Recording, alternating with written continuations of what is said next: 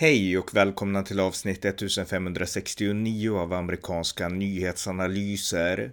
En konservativ podcast med mig, Ronny Berggren. Igår den 27 maj höll den amerikanska vapenorganisationen National Rifle Association sitt årliga konvent. Platsen var Houston i Texas, bara dagar efter skolskjutningen i småstaden Uvalde. En av talarna var USAs förre president Donald Trump.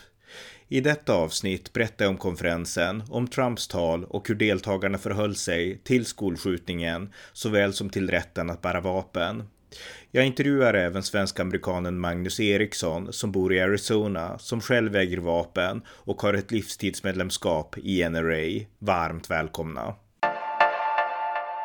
Ja, det var den 24 maj som den här tragiska skolskjutningen ägde rum i Texas, i småstaden Uvalde i Texas, på Robb Elementary School, där den 18-årige gärningsmannen Salvador Ramos gick in i skolan och sköt ihjäl 21 personer i den tredje värsta skolskjutningen i USAs historia.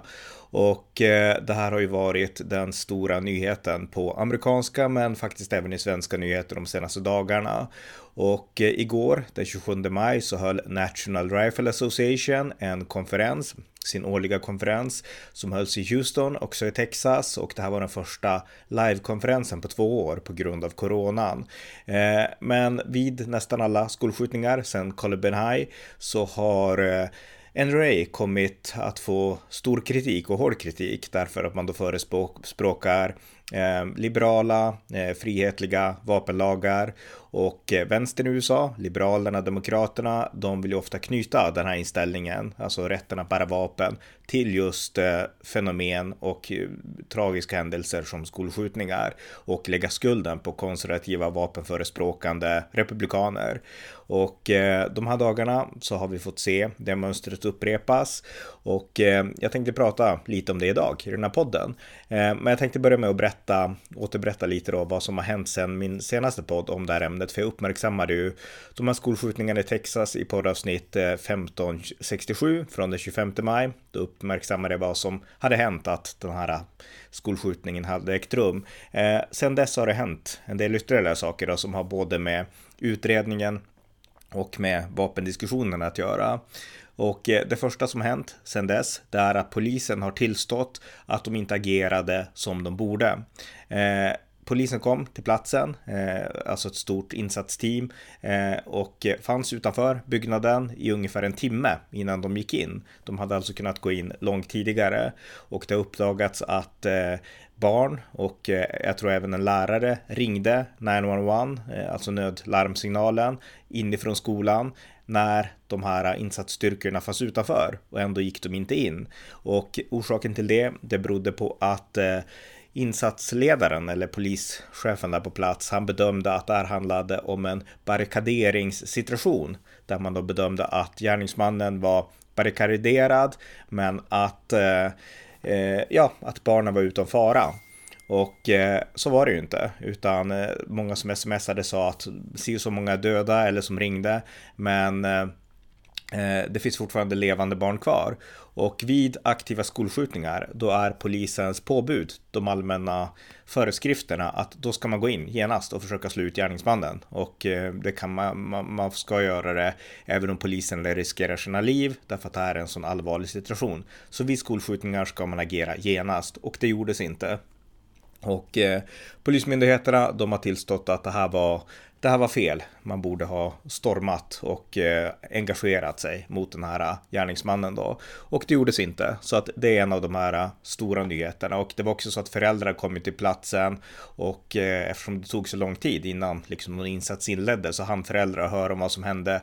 De kom dit och de ville ju i desperation komma in och de var stoppade av poliserna samtidigt som poliserna själva inte gick in. Så att det här är ju på något sätt eh, ett stort misslyckande för polisväsendet i förhållande till den här händelsen.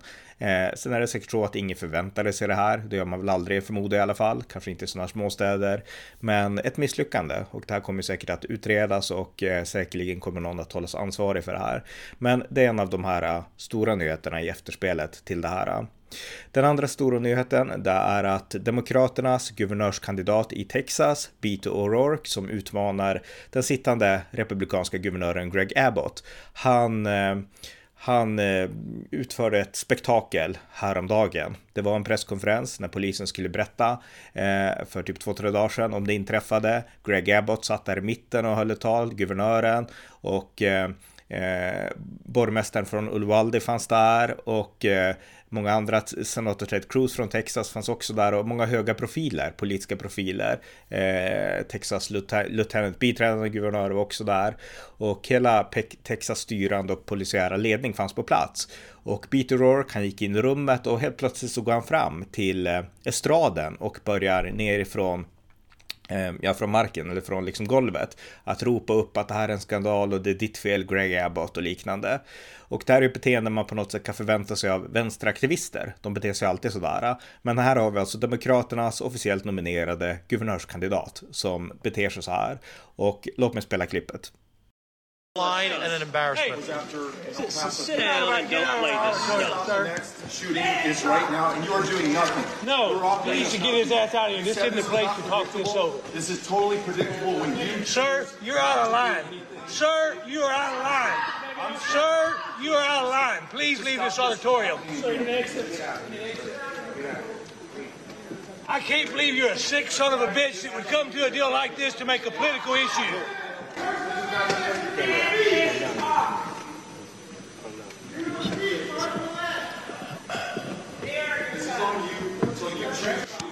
It's on assholes like you. Why don't you get out of here?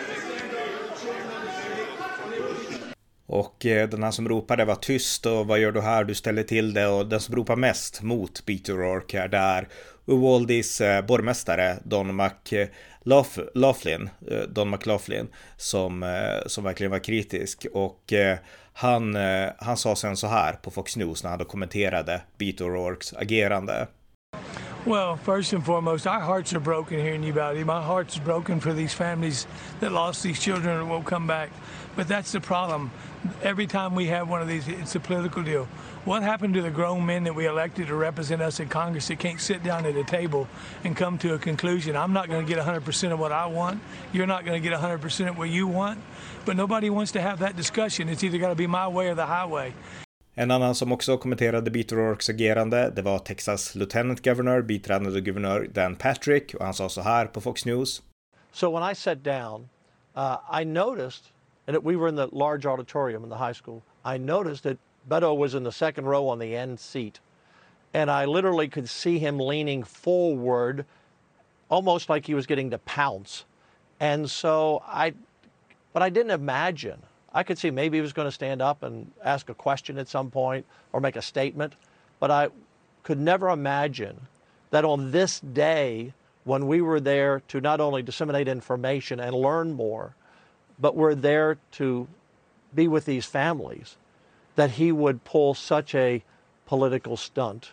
You know, I thought, Laura, and I said in my comments after he finally left, that can't we have just one day one week, one month of us all coming together for these children that's not a political stunt, not partisan politics. Where's our humanity?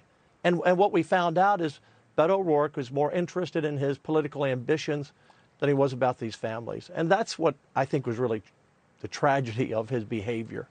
It showed he really didn't care about these people. And that's what we were there for. That's what Governor Abbott said, myself, and the others who spoke. Och eh, ytterligare en som också fanns på plats, det var senator Ted Cruz från Texas, republikan som faktiskt besegrade Beto O'Rourke i senatsvalet 2018. Eh, han sa så här, han var också på plats då, om Beto O'Rourkes agerande. Look, I, I, was shocked. We were going through a briefing, listening to law enforcement about precisely what had happened, about what the next steps were. And, and it was disgusting. He strode to the front of the room and tried to turn it into a political rally. And, he, and I guess his campaign is flailing. He's going to lose. But you know, just just after you ended that clip, the mayor of Uvalde, he he turned to Beto. He said, "You're a sick son of a bitch." yeah. Because to take something, you've got grieving families. You've got a community that is broken to pieces, and to try to politicize it and turn it into a rally the the way Beto did, it was really. I, I've seen a lot of crass behavior that, that, that was embarrassing and it, it was it was disgusting. Yeah, you got to read the room better than that, Beto. So. Uh... Så kortfattat ett extremt aktivistiskt agerande av Beto O'Rourke och han var också en av Demokraternas primärvalskandidater i presidentvalet 2020 och han lovade då att konfiskera amerikaners vapen. Och eh, hans beteende nu, det visar noll respekt för både för de anhöriga men också för Eh, det faktum att man kan förespråka vapen utan att vara för skolskjutningar. Alltså det är två helt skilda saker. Så att det här är ett rent aktivistagerande av Beto O'Rourke och det visar att han är verkligen inte värdig att få något som helst politiskt ämbete i USA. Och eh, jag tror att hans, eh, hans valkampanj är körd. Greg Abbott, den sittande republikanska guvernören som förespråkar vapen, han kommer att vinna om valet i höst. Det är jag rätt säker på. Beto O'Rourke kommer inte att kamma hem poäng genom sånt här beteende. Eh, han kanske gör det bland sina liberala aktivister förmodligen, men inte i Texas generellt. Och inte ens i Uvalde, den här eh, staden där, här, eh, där det här dådet skedde, så kan man ladda hem några pengar utan borgmästaren skällde ut honom. Så att eh, här har vi en aktivist som vill på något sätt, eh, ja, han vill bli politiker, han vill bli känd och han drivs av jag vet inte, småaktiga motiv. Det här handlar ju inte om att han vill rädda barn eller någonting, utan han vill politisera precis som de här rösterna som ni har fått höra klipp från sa. Så att det är också en av de här sakerna som har hänt de här senaste dagarna och som har gjort att, eh, ja, att debatten om eh, om, om vapen i, i, skuggan av den här tragiska händelsen har fått ännu mer liksom, liv så att säga. Eh, nästa sak som också har hänt och det var bara igår, det var att National Rifle Association, Association, Association, okej, okay, eh, USAs mest eh, kända vapenlobbyorganisation och den största, de höll sin årliga konferens igår den 27 maj i Houston, Texas och det här var den första livekonferensen på två år på grund av coronan och de restriktioner restriktionerna. Och eh, den ägde rum bara, eh, vad blir det, tre dagar efter rådet. Så att det vart ju stor kontrovers, en stor kontrovers kring det här. Ska man verkligen hålla den här konferensen eller inte? Diskuterade kritikerna. Den hölls. Några namn som var tänkt att tala, de drogs ur av olika orsaker. Men många kom också dit och bland annat eh, Kristin Noem som är guvernör i South Dakota. Donald Trump kom dit. Eh, Ted Cruz kom dit och Greg Abbott, guvernören, han talade via videolänk. Och eh, det här var en kraftfull konferens. Jag har följt väldigt många NRA-konferenser under åren. Det var vapenfrågan som fick mig intresserad av amerikansk politik i slutet av 90-talet. Det var Columbine Shooting och Kip Kinkel och alla de här skolskjutarna som gjorde att debatten om vapen fanns även här i Sverige. För det var det, alltså det uppmärksammades ju även här i Sverige, skolskjutningarna. Eh, Michael Moore kom med något år senare, Bowling for Columbine, den här dokumentären, 2002 kom den. Och det uppstod en debatt även här i Sverige om amerikanska vapen. Och eh, jag minns att jag var väldigt nyfiken och eh, jag började chatta, det var det man gjorde på den tiden på 90-talet med amerikanska nätbekanta där sista året i gymnasiet och eh, frågade liksom hur kommer det sig att ni har sådana här eh, vapenlagar? Det är ju så konstigt att ni kan ha vapen, titta på skolskjutningarna. Och jag fick väldigt många olika svar Eh, som ändå gick i samma riktning. Jo, men vi amerikaner, vi tänker inte som ni gör i Europa, utan vi har våra författningsfäder, George Washington, Thomas Jefferson. Läs dem så kommer du förstå. Och eh, jag började göra det och jag insåg att wow, det här var ett perspektiv som jag dels inte kände till och dels är det helt logiskt. Så att sen dess har jag varit en förespråkare av amerikaners rätt att bära vapen och jag är det fortfarande. Och eh, jag har följt väldigt många NRA-konferenser sen dess kan man säga och läst om dem och eh, när det började livestreamas på, på nätet så började jag se dem också och skrivit väldigt mycket på amerikanska nyhetsanalyser om just vapendebatten. Eh, och det här var en bra konferens. Man hamrade verkligen in alla de här poängerna därför att eh, om man bara följer svensk media nu, då kan man tro på något sätt att amerikanska vapenägare har nu tryckts på defensiven och, och liksom nu är det eh, demokraterna som har momentum. Och så kanske det var tidigare i historien, för de här skolskjutningarna har pågått nu i ungefär drygt 20 år när det har varit regelbundet och hänt liksom nästan varje år och ganska stora skolskjutningar. Columbine High, det gjorde det stort och sen så vart det nästan en trend som har fortsatt i 20 år, alltså under hela den tid som jag har följt amerikansk politik. Eh, och eh, från början, då, då vart ju såklart de här eh, NRA och de här vapenägarna, de vart lite ställda. Det här, det här är inte våran tanke, det här, så här tänkte inte vi och det, det här var inte meningen och så. Det, så var det i början, lite grann. Sen var det också den här amerikanska fighting spirit, när man minsann, ingen ska få ta våra vapen. Den fanns också. Men det var också liksom lite att man hade inga riktigt tydliga svar. Eh, sen så började med tiden i takt med att skolskjutningarna fortsatte och eh, i synnerhet efter den här skolskjutningen i Newton så 2012 då började man aktivt eh, liksom arbeta, inte bara säga att vi vill inte liksom att någon ska ta våra vapen, utan även aktivt börja ta initiativ för att stoppa skolskjutningar. NRA och andra kom upp med förslag, bland annat förslagen som diskuteras nu också, att beväpna lärare och, och sådana saker. Eh, så man tog en mer aktiv roll och eh, man har egentligen inte blivit mer defensiva, utan man har snarare gått framåt. Sen har NRA som organisation backat av ekonomiska anledningar, av liksom, ja, av lite olika orsaker och det finns idag fler eh, vapenorganisationer i USA än NRA, många fler, även om de fortfarande är störst. Men deras glansdagar är ju inte längre. Men, men Likväl, alltså amerikaners intresse för vapen, det är stort och man har liksom inte, och man kände att oj, vad hände ungefär för 20 år sedan? Så nu vet man ungefär den drill som demokraterna alltid sätter igång vid en skolskjutning. Vi måste stoppa eh, AR-15 så vi måste stoppa eh, military assault weapons och återföra det här förbudet mot sådana vapen som Bill Clinton införde på 90-talet och som George W. Bush avskaffade när han blev president och som eh, jag tror inte har funnits sedan dess. Jag vet inte om Obama försökte göra någonting. Men eh, hur som helst så Eh, så, så, vet man ungefär hur debatten går vid varje skolskjutning. Och nu är man inte på defensiven längre. Och den här skolskjutningen nu i Rob Elementary i Texas, i Uvalde, den har inte förändrat det här, utan tvärtom. Nu har eh, vapenförespråkarna gått på offensiven igen och man känner sig inte längre liksom, ja, man kan inte bli shameade av sådana här skoldåd så, så som liksom eh, antivapenaktivisterna som Beat O'Rourke försöker göra, som han försökte göra mot Greg Abbott eh, och shamea honom och säga att det här är ditt fel, det är på grund av din politik, så känner inte republikanerna längre alls. De har inte ens någon liksom minsta instinkt att känna så, för de fattar att det här är bara en härskarteknik och det är ett sätt för er demokrater att försöka kamma hem politiska poänger. Vi sörjer de här döda barnen precis lika mycket som ni gör och vi kommer göra allt för att det här inte ska ske igen. Men vi kommer inte att kompromissa på the second amendment, konstitutionen. Eh, så att eh, Eh, man är inte alls defensiva idag i den här frågan. Man känner inte att man är delaktiga eller delskyldiga, medskyldiga till det här fruktansvärda dådet, utan tvärtom, man inser att nu råder en kamp om konstitutionen och vi kommer att stå på konstitutionens sida när demokraterna vill utnyttja sådana här dåd för att köra över konstitutionen. Där är man nu. Följer man bara svensk media, som jag också har följt i liksom frågan om vapendebatten, så tycker jag att det här är första gången som det verkligen på allvar nämns det här med second amendment. Det är som att man, man vaknar upp nu och inser att oj, det är inte bara de här knäppjökarna som stöder vapen i USA, utan ja, konstitutionen stöder också och det verkar ändå finnas en majoritet och så som eller många i alla fall, som gillar vapen i USA.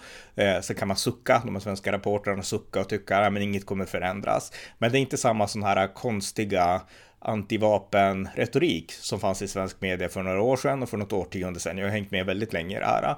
Eh, det fanns helt absurda exempel. Ett exempel som jag minns, det var från mitten av 90-talet. Eh, då var det en, ett inslag eller en dokumentär på svensk tv, SVT förmodar jag, eh, där man intervjuade en kvinna i USA som förespråkade vapen och hon menade att hon hade själv blivit skjuten i ett sammanhang och hon hade då blivit skjuten med ett eh, military assault rifle, alltså typ en AR-15 eller något liknande. Och hon sa att det här var jättebra att jag var skjuten med ett sånt vapen, för hade jag blivit skjuten med en vanlig revolver eller något annat, då hade jag dött. Så hon menade att det här var en sån här klinisk skott som bara kan komma från sådana vapen och därför förespråkar hon rätten till sådana vapen. Och det var ett helt vrickat resonemang och i USA kryllar jag, kryllar jag folk med vrickade resonemang, det vet alla. Och eh, det var en sån som SVT hade plockat fram för att på något sätt visa för svensk publik på 90-talet innan internet var totalt liksom innan folk kunde liksom faktchecka via internet och eh, bara för att visa upp, titta vilka galningar som stöder vapen i USA. Till och med jag då i tonåren som såg det där insåg att ni måste ha verkligen sökt med ljus och lykta för att hitta den största knäppstollen i stan och visa upp den för Sverige och svensk publik för att på så vis måla en bild av vapenägarna i USA. Vem som helst som såg det inslaget fattade det och hon hade ingenting med liksom Jeffersons filosofiska vapenresonemang att göra. Så att eh, det var ungefär så det såg ut på, i Sverige på 90-talet när man beskrev då den här galna amerikanska vapenhögen. Och det hängde med vidare. Det vart lite mer avancerat då när Bowling for Columbine kom, Michael Moores film som jag skrev en totalsågade när den kom. Jag skrev en lång, flera 20-30 sidors recension tror jag, 2004 där eller 2003.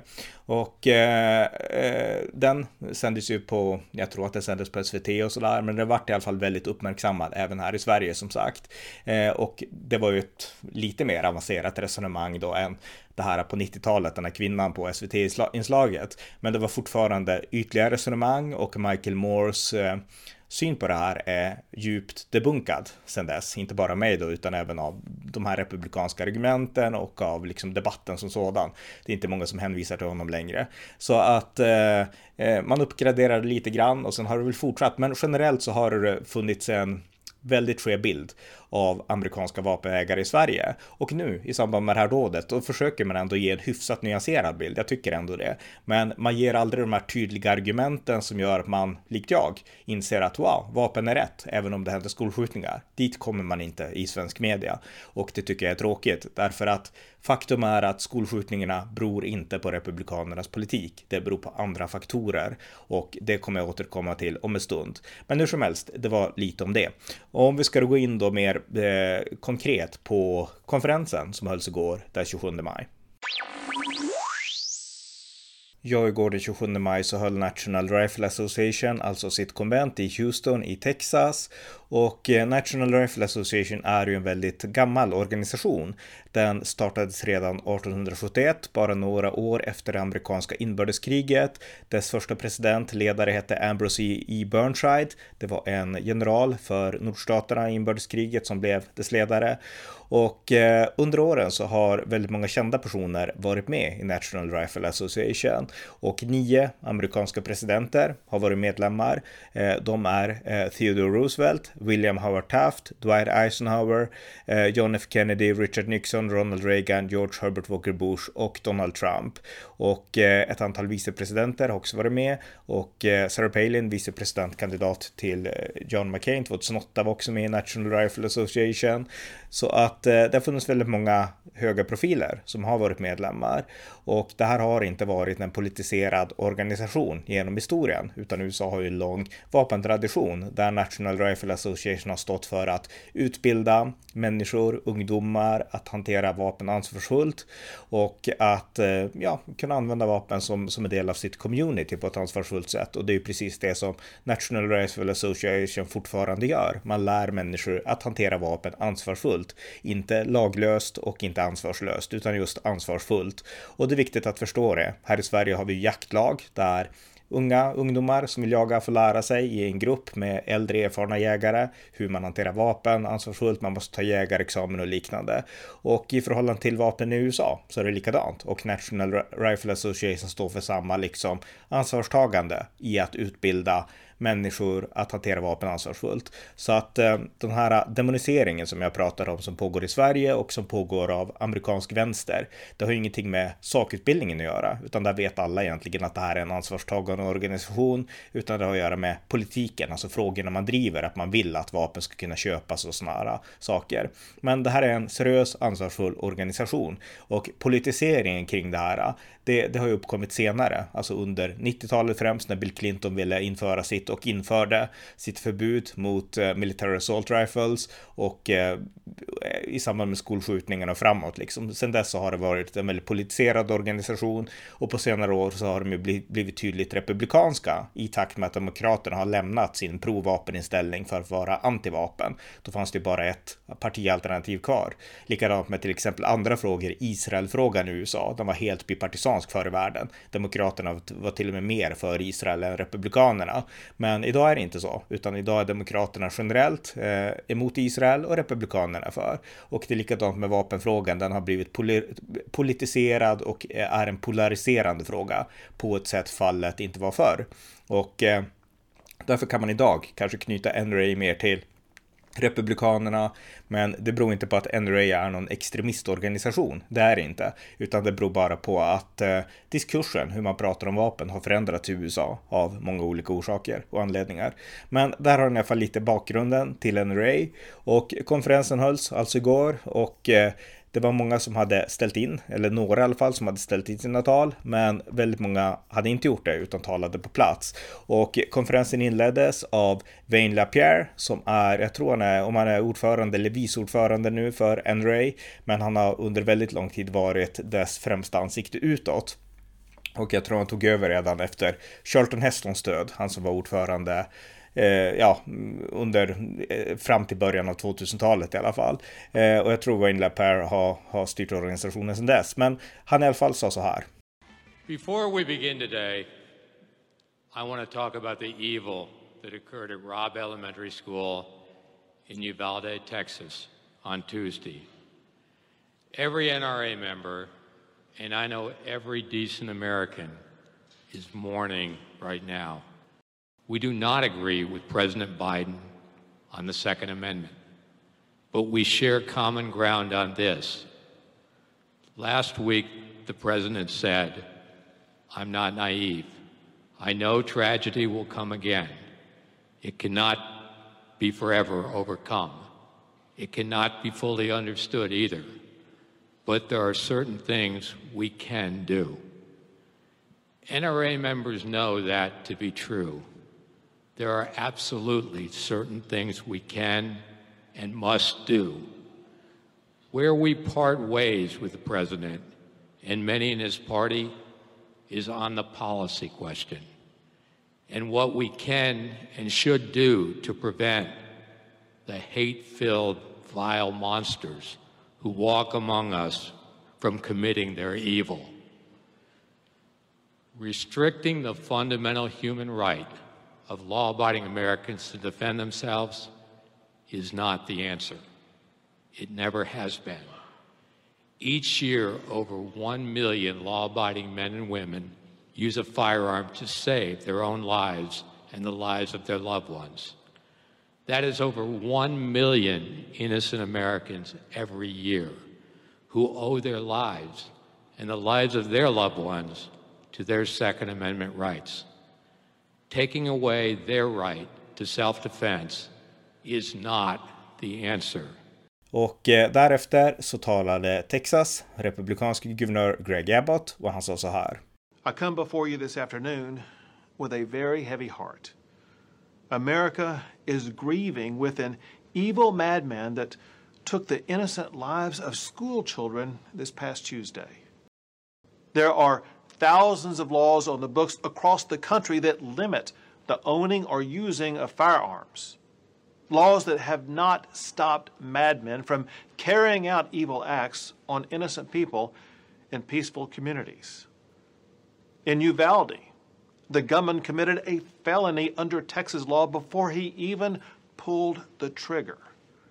It's a felony to possess a firearm on school premises. But that did not stop him. And what he did on campus is capital murder. That's a crime that would have subjected him to the death penalty in Texas.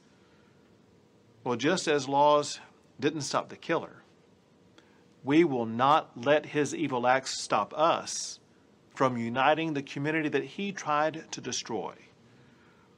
I'm in Uvalde this afternoon working to heal the brokenhearted.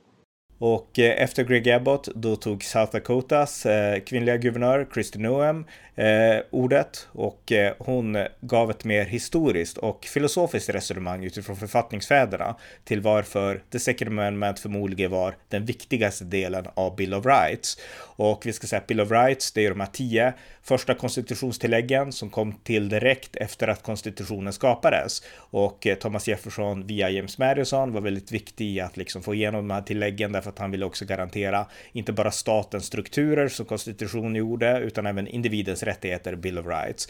Så att där tillkom den. Och jag läste nyligen någonstans en rubrik, jag har inte detaljerna här, men Påve Franciscus han sa att eh, det här påbudet om vapen, det är ju inte Guds ord från berget Sinai, alltså det är inte Mose liksom lagbud här.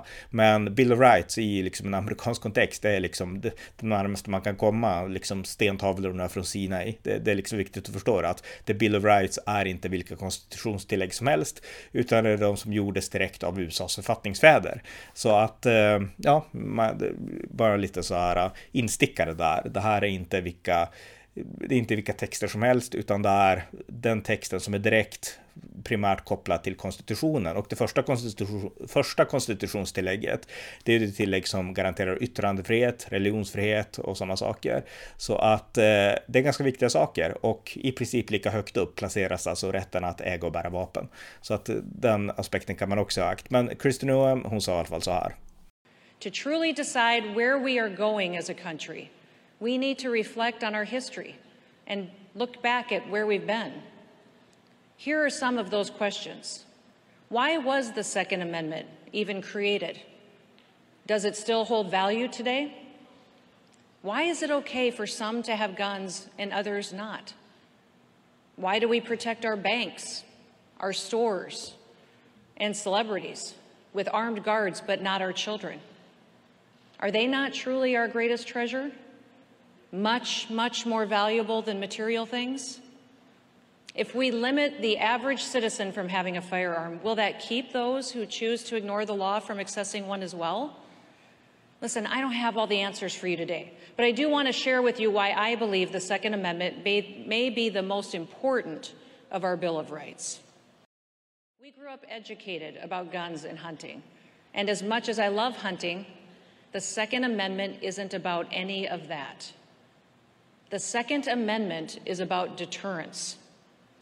It's about ensuring government respects the rights and the liberty of citizens.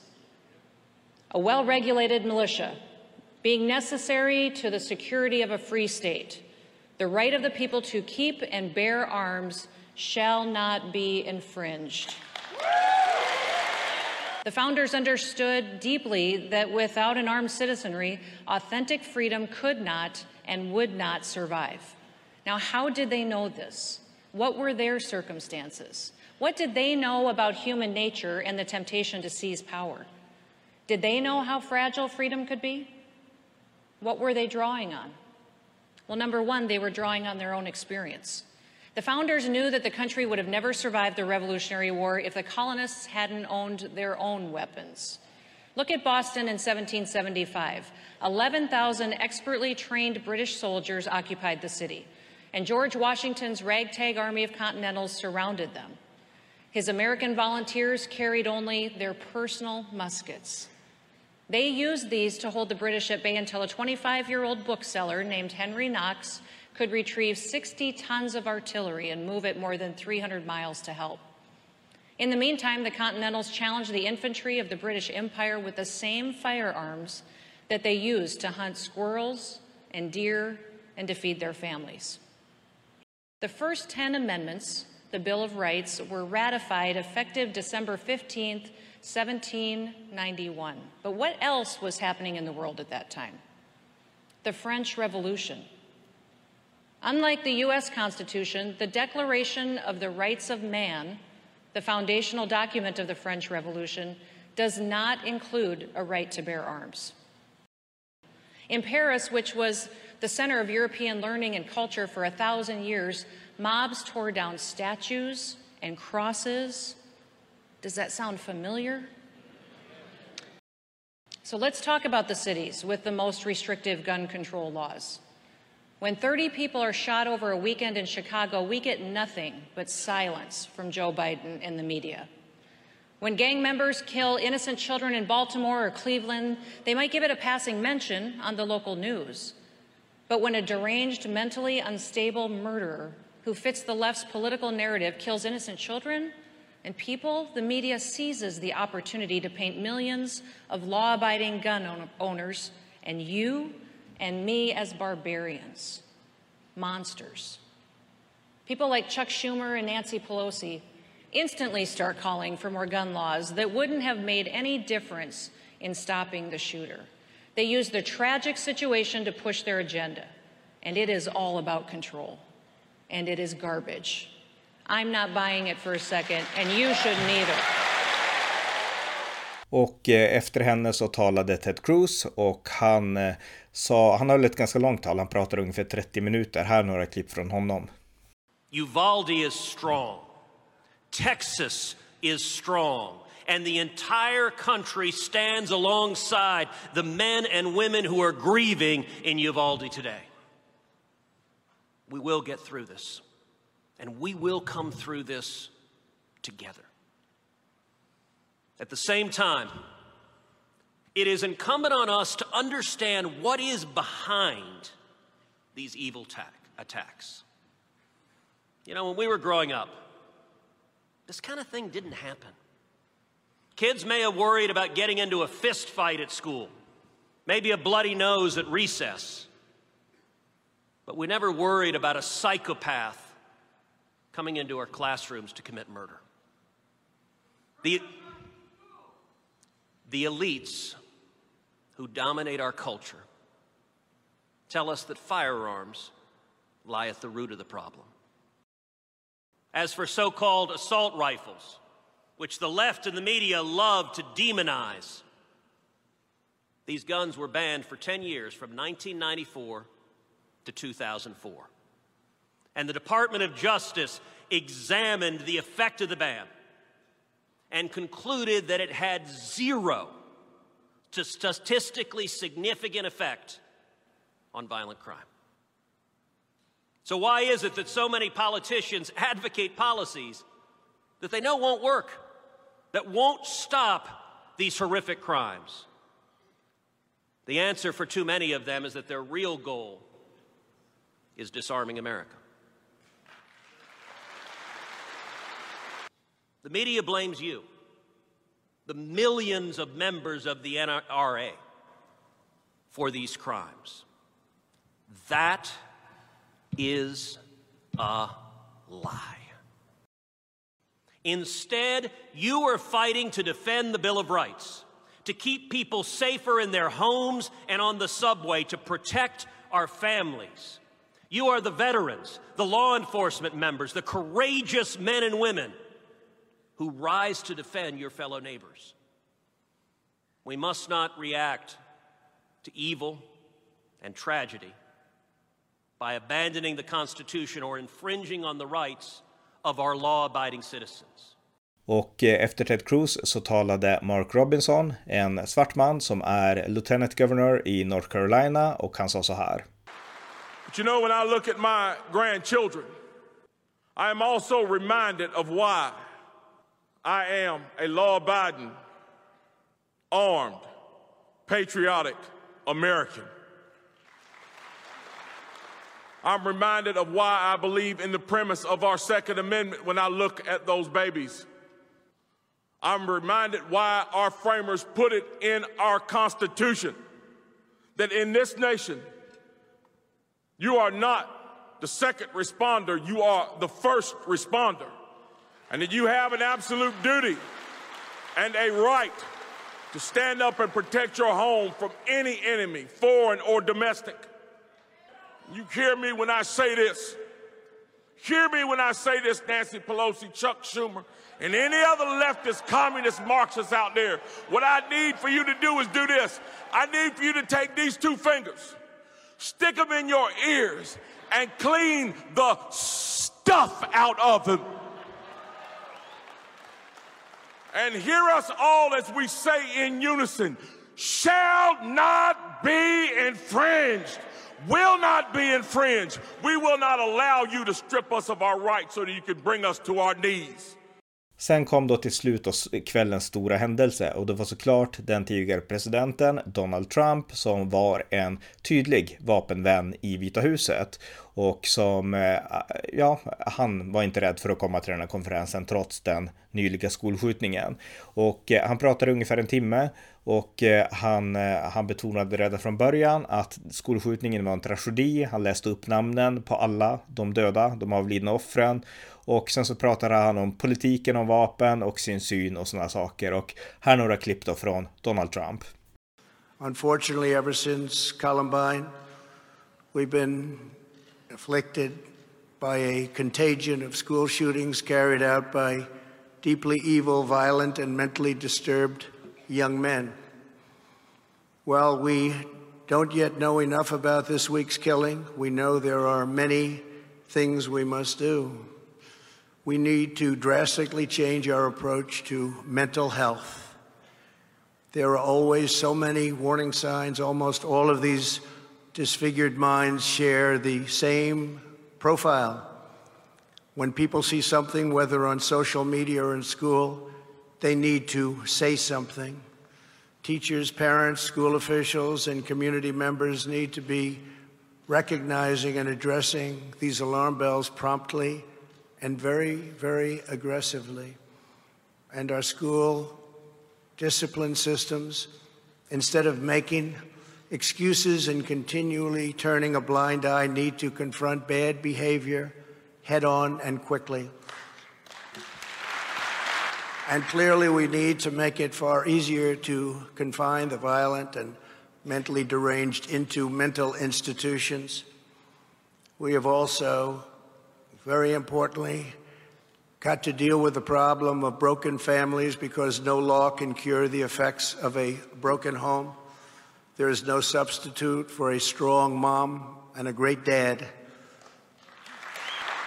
But while we work to address these deep, complicated issues and deal with this scourge, all of us must unite, Republican and Democrat, in every state and at every level of government, to finally harden our schools and protect our children.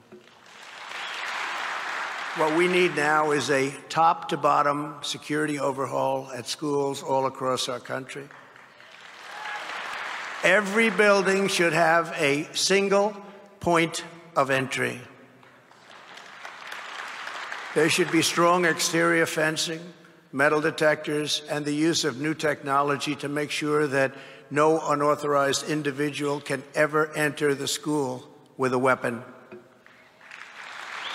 No one should ever be able to get anywhere near a classroom until they have been checked, scanned, screened, and fully approved. In addition, classroom doors should be hardened to make them lockable from the inside and closed to intruders from the outside. And above all, from this day forward, every school in America should have a police officer or an armed resource officer on duty at all times.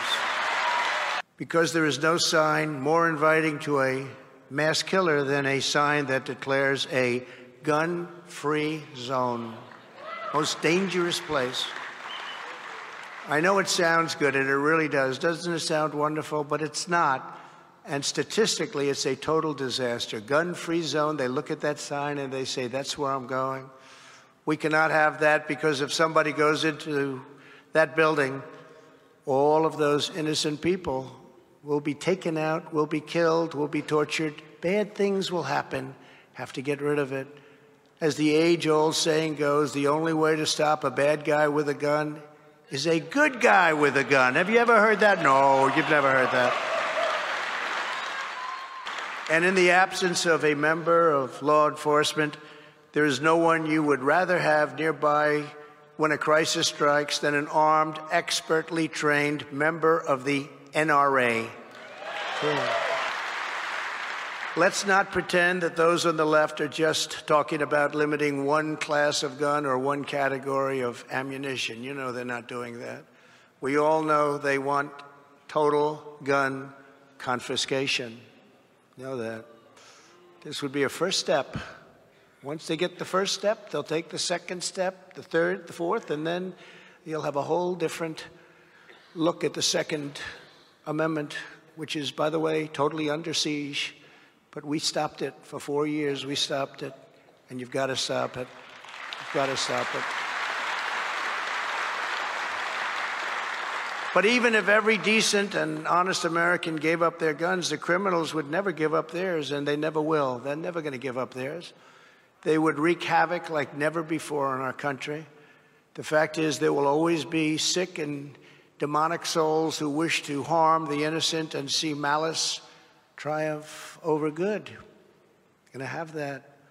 But the existence of evil in our world is not a reason to disarm law abiding citizens who know how to use their weapon and can protect a lot of people. The existence of evil is one of the very best reasons to arm law abiding citizens. Så där har ni några klipp från Donald Trump och dessförinnan klipp från några av de andra talarna här på eh, konferensen då. Och eh, jag eh, tycker att det var en bra konferens. Jag har som sagt följt väldigt många konferenser och det var inne på tidigare att eh, NRA och eh, de konservativa och republikanerna, de backar inte längre. De ber inte om ursäkt, de låter sig inte shamas även när sådana tragedier händer. Eh, jag tycker det framkom väldigt tydligt utifrån vad talarna sa på den här konferensen. Så att där har ni fått en liten summering av NRA-konventet 2022 och nu tänkte jag spela en intervju med en svensk amerikan som heter Magnus Eriksson som bor i Arizona och som jag har intervjuat tidigare och som är medlem i NRA och själv har vapen. Och eh, han kommer här förklara sin syn på vapen, på USA och på ja, vad som skiljer USA från Sverige. Så lyssna på det här. Magnus Eriksson, välkommen. Tack Ronny.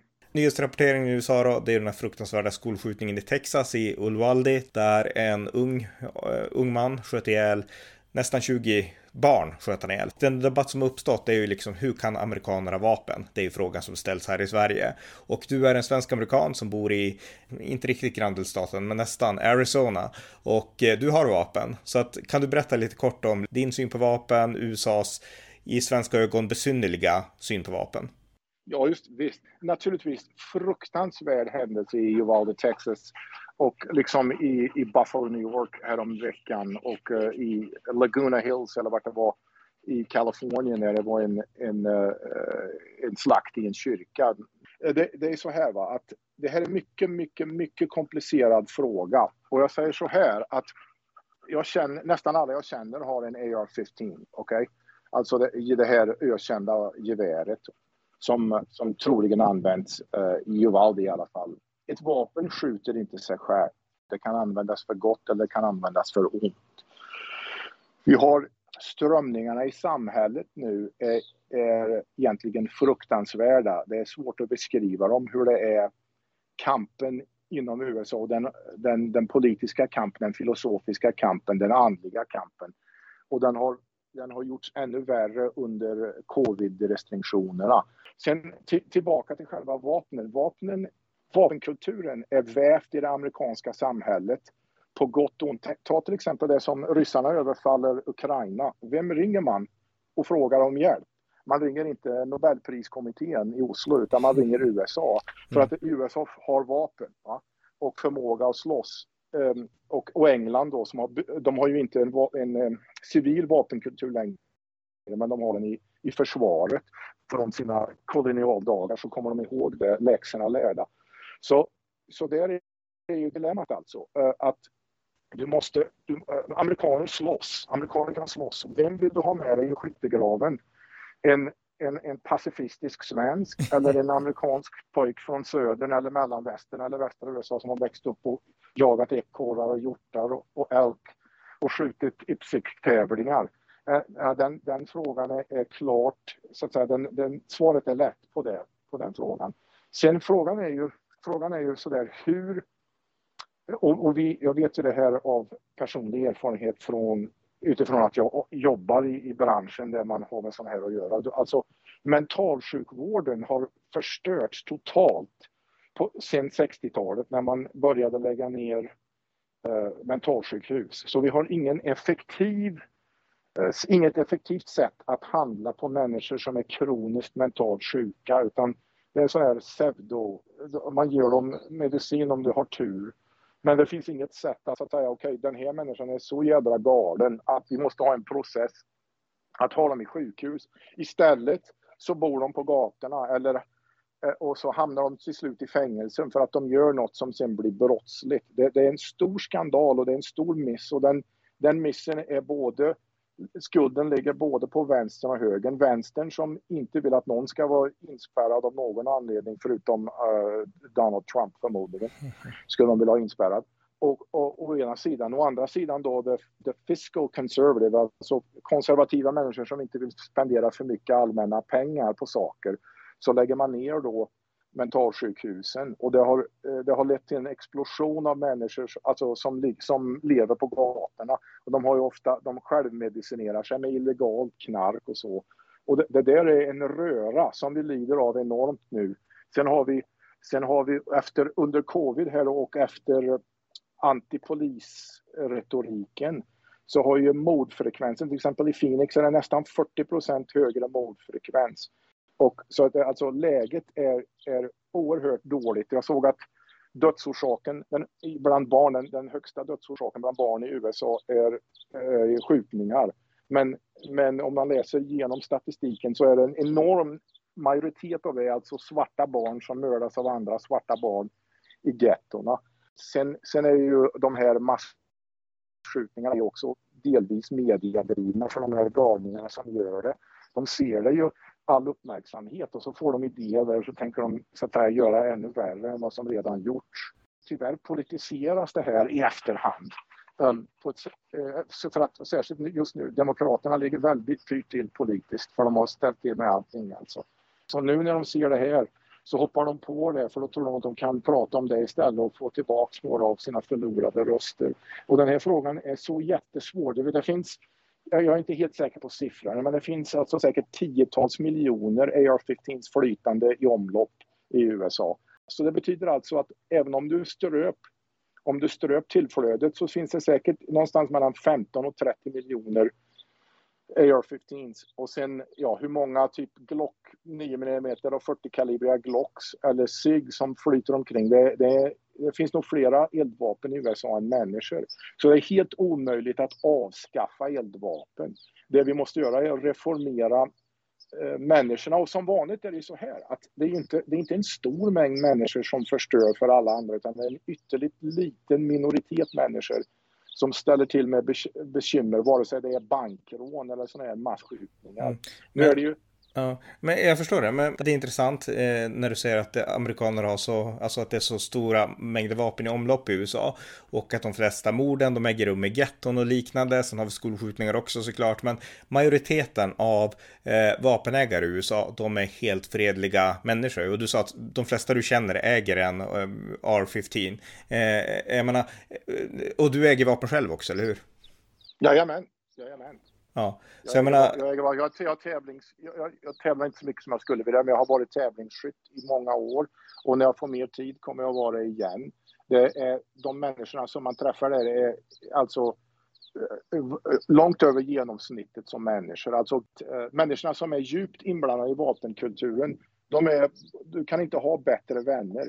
Sen finns det naturligtvis det som händer, alltså människor i periferin av den. Det är de som ställer till det, det är de som skjuter sig själva i foten.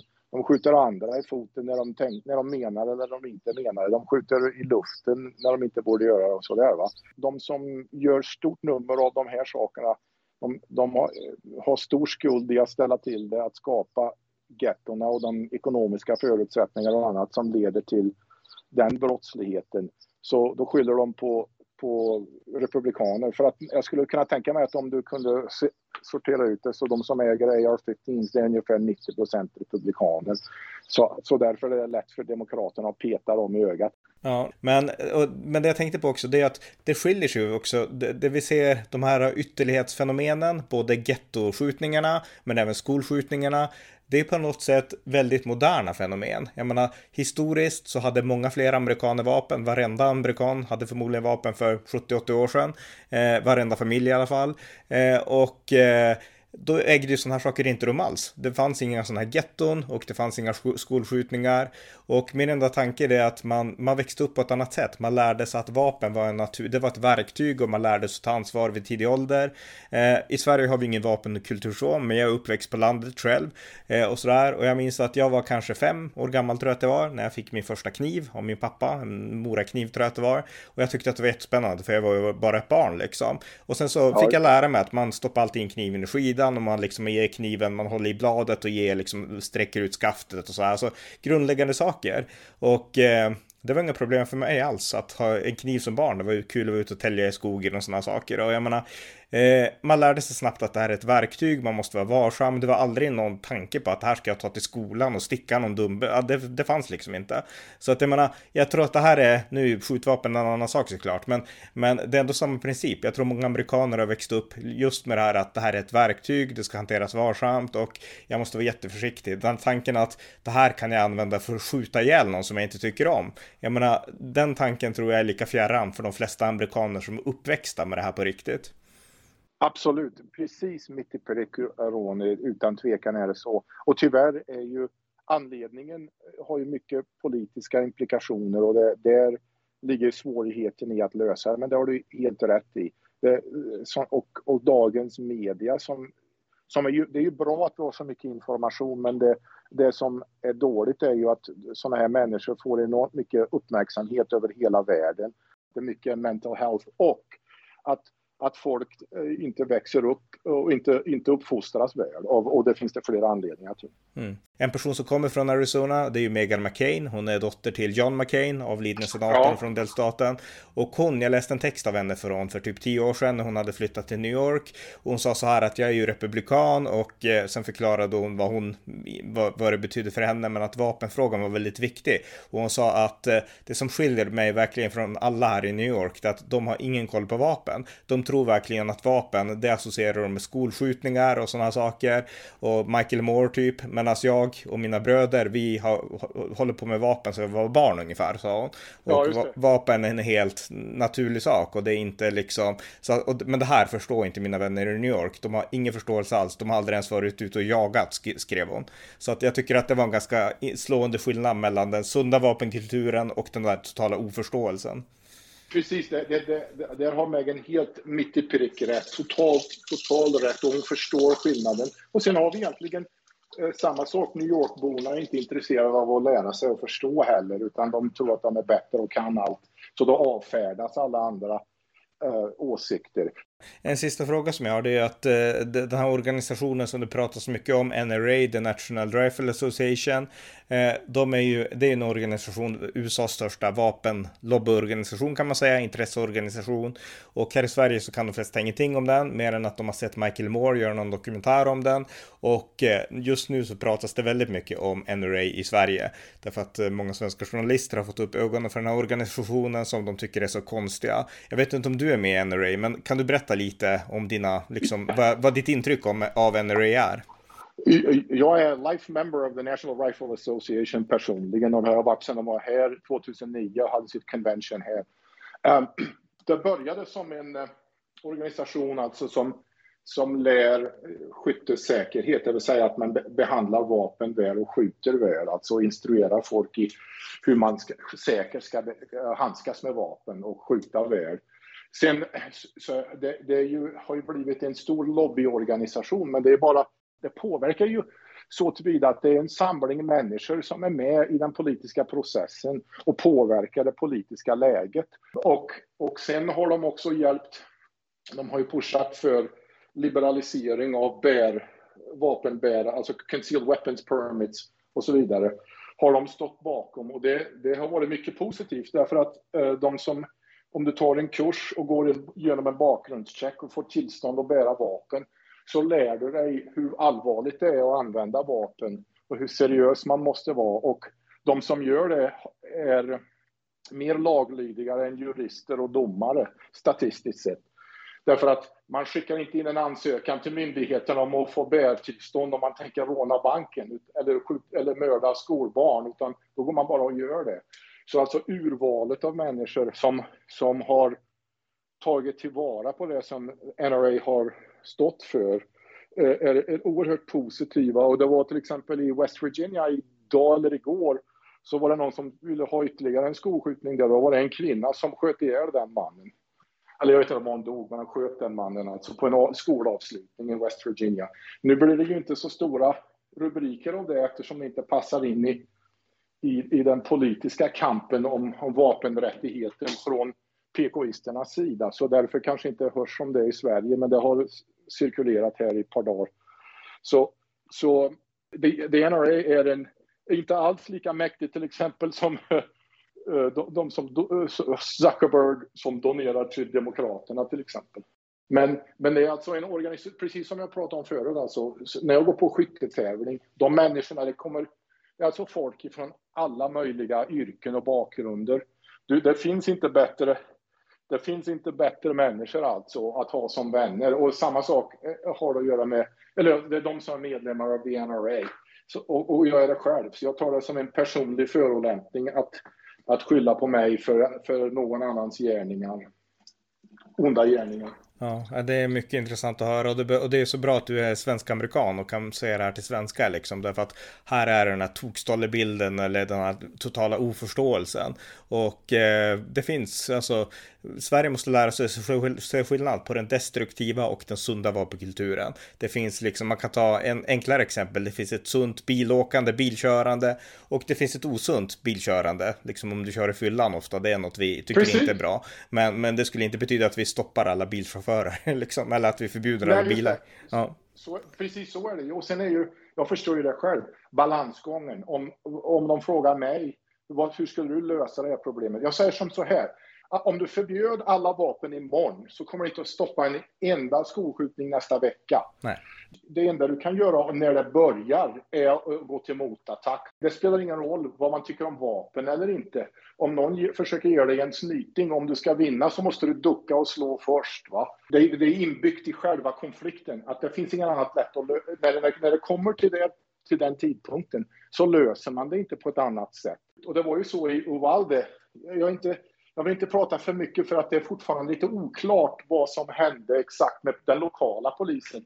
Mm. Men en sak tycker, tycks vi ha förstått och det var att det är en, en medlem av en, en enhet från Border Patrol som heter BORAC, det är alltså ett special, uh, specialskyddsgrupp i, i Border Patrol. Han dök upp där och sköt och träffade själv i huvudet. Det var bara liksom en snudda i huvudet på honom. Men han är den som sköt ihjäl gärningsmannen. Och eh, det vill säga, massakern avslutades tack vare att någon annan sköt den, den onde förövaren. Det, alltså, det är lösningen när det väl kommer till kritan. Frågan är om du på ett makrosätt kan ändra så att det, så att det inte kommer till kritan så ofta. Vad, vad gör man åt det? det men det, det, är en vettigare fråga och det pratar inte Demokraterna alls om när de, när de hoppar på vapensnacket. Ja, men då vill jag säga tack så mycket för det här samtalet. Tack detsamma Ronny, det var jättetrevligt. Ja, det var svensk-amerikanen Magnus Eriksson som förespråkar amerikaners rätt att bära vapen och se på vapen positivt. Och eh, jag tänkte avsluta med några egna reflektioner om det här ämnet och några egna tankar. Eh, som jag sa tidigare så var det vapenfrågan som fick mig intresserad av USA där i slutet av 1990-talet och eh, jag har sedan dess eh, engagerat mig för amerikaners rätt att bära vapen och än mer då kanske så har jag engagerat mig för att eh, svensk media ska rapportera korrekt och sakligt om vapen i frågan i USA. Det görs inte i Sverige utan här så demoniseras amerikanska vapenförespråkare och amerikanska vapenägare och man köper i princip helt Eh, den demokratiska, det demokratiska partiets propaganda som fakta om amerikaner och vapen. Och det tycker jag är fel och det är någonting som jag motsätter mig. Och eh, jag skulle vilja prata lite grann om Eh, den svenska rapporteringen övergripande. Därför att här i Sverige så framställs ofta, man pratar ofta om när man ska göra distinktioner mellan det sunda Sverige och det konstiga USA med att USA har en vapenkultur och då pratar man om vapenkultur då i negativ bemärkelse. Att det är liksom amerikaners kärlek till vapen som gör att sådana saker som skolskjutningen i Texas kan äga rum. Och eh, jag skulle vilja nyansera det genom att bryta ner begreppet vapenkultur och eh, förklara att det finns flera olika vapenkulturer i USA. Eh, dels finns det en positiv, sund vapenkultur i USA och där är det vapenkultur som National Rifle Association och andra står för. Och den vapenkulturen, den går tillbaka till amerikansk historia när amerikaner i princip växte upp med vapen. Det här var någonting som Thomas Jefferson skrev om redan på 1700-talet och han förklarade att eh, eh, ja, amerikaner, de har levt med vapen sedan, sedan vaggan ungefär, skrev Jefferson. Och det är en av orsakerna till att vi var mycket bättre på att skjuta än britterna och att vi kunde prickskjuta på britterna bättre än de kunde på oss. Vi var bättre på vapen, för vapen är en del av vårt DNA ungefär. DNA fanns ju inte det, och det ordet, men så skrev Jefferson i alla fall. Och eh, han härledde USAs seger till amerikaners förmåga att hantera vapen. Och jag är ju en stor fan av Thomas Jefferson, som ni säkert vet. Eh, men den här traditionen, den har ju förvaltats ändå av National Rifle Association i synnerhet, som skapades redan 1871 och i samband med att USA blev mer urbaniserat så tappade ju väldigt många eh, de här naturliga kunskaperna om vapen. Och då blev NRA väldigt viktiga för att lära amerikaner att hantera vapen ansvarsfullt eh, och eh, på ett seriöst och ja, kunnigt professionellt sätt. Och det är likadant i Sverige idag. Jag menar, vi har jaktlag i Sverige. Om du ska ut och jaga älg och annat så får du inte bara springa ut i skogen och skjuta.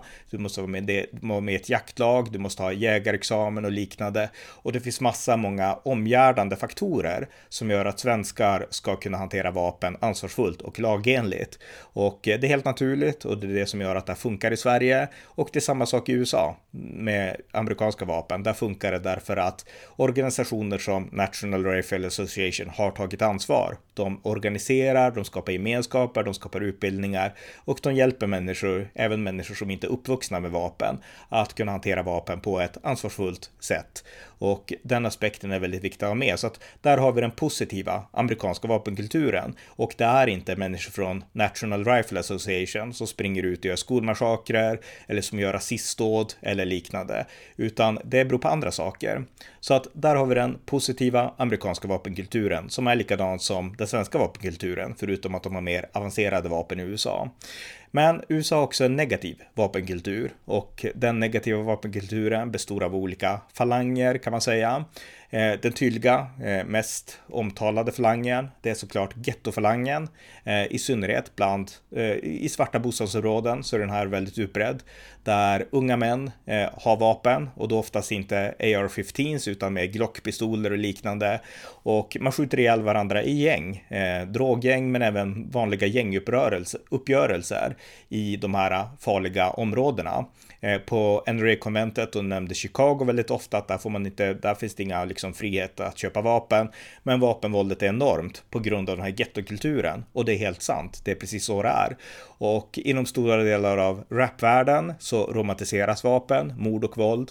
Eh, jag googlade lite grann och jag hittade en rapartist som heter YNW Melly, en ung rapartist som eh, James Morris Demons heter han, född 1999. Han är nu fälld för mord och eh, han, eh, ja, möjligtvis så kommer han att få livstidsfängelse för, för first, first degree murder eller något liknande. Och eh, han har en, eh, en raplåt som heter Murder on my mind. Och den låt där han förklarar att han är besatt av tanken på mord. Och sen så nämner han i texten Glock och eh, olika vapen och eh, I got murder on my mind sjunger han. Och han sitter nu, ja, eh, han kommer kanske att dömas för livstid, till livstid för mord eller kanske till och med dödsstraff för mord då. Eh, och eh, han sjöng den här sången. Så att här har vi en del av den destruktiva amerikanska vapenkulturen. Och vi ska komma ihåg att det är i de här gettorna som de flesta mord äger rum. Och det, det sker ju dagligen i USA. Det vet alla som följer amerikanska nyheter. Och eh, det får inte alls samma stora medieuppmärksamhet som skolskjutningar får, som inte alls händer lika ofta. Utan det här får eh, betydligt mindre uppmärksamhet, men det händer hela tiden i den här destruktiva, negativa och, och illegala vapenkulturen. Eh, så att där har vi den aspekten.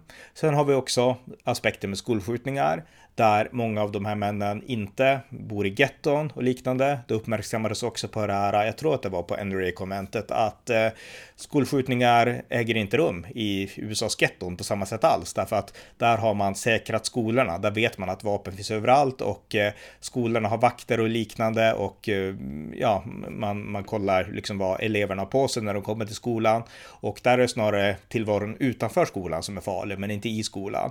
Medan i, ja, på landsbygden i Texas, då kan det i värsta fall bli tvärtom, för då kan en skolskjutare komma in i skolan. Och där är man inte alls van vid, man har ju vapen ansvarsfullt, den här äh, sunda vapenkulturen finns i Texas, men man har inte alls samma erfarenhet av den här laglösheten som man kanske har i Chicago eller i liksom delar av New York och liknande. Så att det är också rätt intressant då.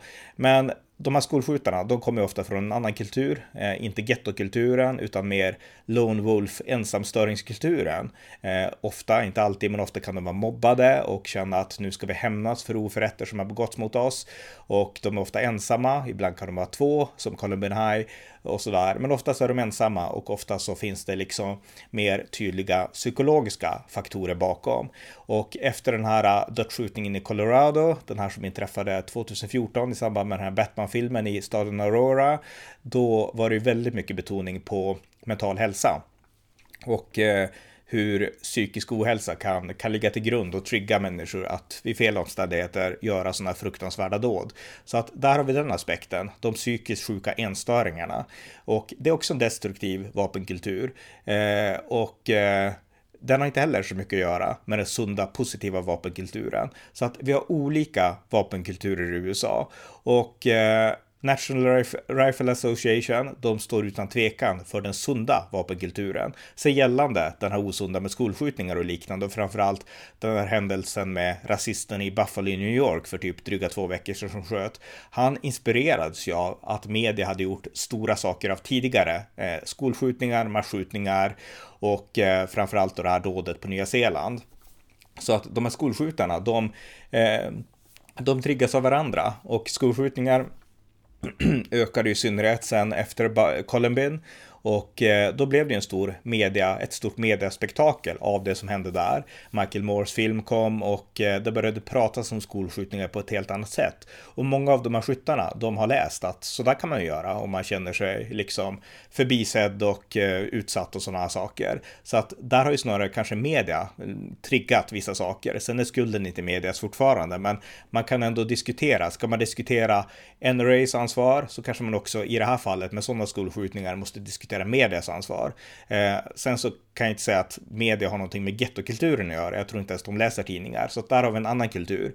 Eh, men det finns de här så olika kulturerna där man måste bryta ner saker och se på olika eh, omständigheter och olika faktorer till varför fenomenet existerar. Men väldigt enkelt, och här har vi några vapenkulturer. En helt ansvarslös gettokultur, en helt ansvarslös ja, skolskjutningskultur då, om man kan säga så. Men sen har vi också en ansvarsfull medelklass vapenförespråkande kultur som har rötter i den amerikanska historien. Så att det är viktigt att se skillnaden här. Men det svensk media gör, det är att man då när det händer en skolskjutning, då påpekar man, titta vad fruktansvärt, det, det skjuts i USA, folk skjuter ihjäl varandra. Och så pekar man ut den här sunda vapenkulturen som att den vore något osunt. Medan det osunda, gettokulturen, glorifieringen av skolskjutningar eh, och liknande, det pekas inte ut på samma sätt, utan det är alltid NRA som är de ansvarstagande som får skulden. Och det visar verkligen hur mycket man köper eh, Demokraternas propaganda, för de vill ju verkligen politisera. Jag menar, Demokraterna, det var ju de som förespråkade Defund the Police i mångt och mycket 2020 efter George Floyds död.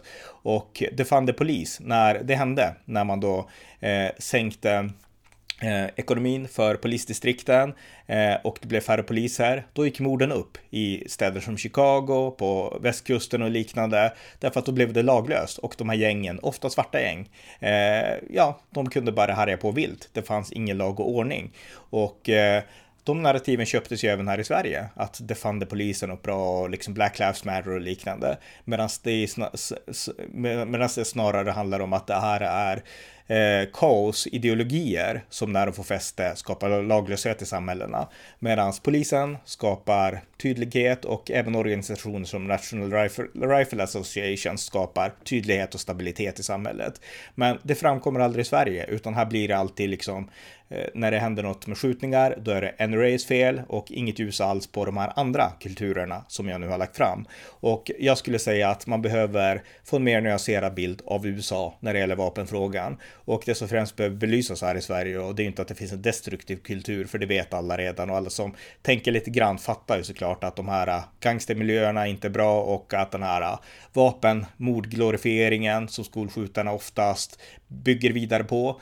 Den är inte heller bra, det behöver man inte diskutera så mycket för att fatta. Eh, utan det, det, vi behöver betona här i Sverige, det är kanske det faktum att det också finns en sund, positiv amerikansk vapenkultur. Och det finns det, och det representeras inte minst av organisationer som NRA och vanliga helylle medelklass vapenbärare i USA. Och det tycker jag att den aspekten måste också belysas positivt. Och det var väl det jag ville få fram då så här på slutet. Så att nu har ni fått mitt take på det här igen i det här poddavsnittet. Ni har lyssnat till amerikanska nyhetsanalyser där jag avslutningsvis skulle vilja mana er som har möjlighet att skänka en slant till valfri organisation som stöder Ukraina. Genom solidaritet bidrar vi till Europas gemensamma försvar. Vapenägarna i USA följer en princip, stand your ground. Det är precis vad Ukraina också gör, för sitt eget land och övriga Europa. Tack för att ni lyssnar på amerikanska nyhetsanalyser. thank you